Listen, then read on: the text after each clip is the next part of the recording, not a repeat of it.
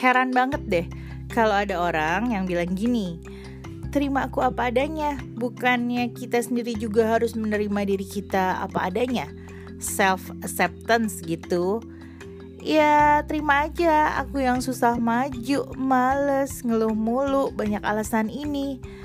Ya ampun Mama Lawrence, yang namanya self acceptance itu menerima apa adanya, tapi bukan sifat yang jelek-jeleknya dong Masa pengen dimaklumi kemalesannya, alasan-alasan yang gak masuk akalnya, mental blocknya, self acceptance itu justru menerima diri sendiri dalam versi yang lebih baik dari versi kita sebelumnya.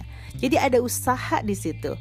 Kan udah dibilangin sih padahal sia-sia orang yang hidupnya sama dengan kemarin dan celaka orang yang hidupnya lebih buruk dari kemarin. Artinya nggak ada kemajuan dong. Ayolah, kamu bisa lebih baik dari ini. Capai versi terbaik diri kamu. Bisa. Yakin.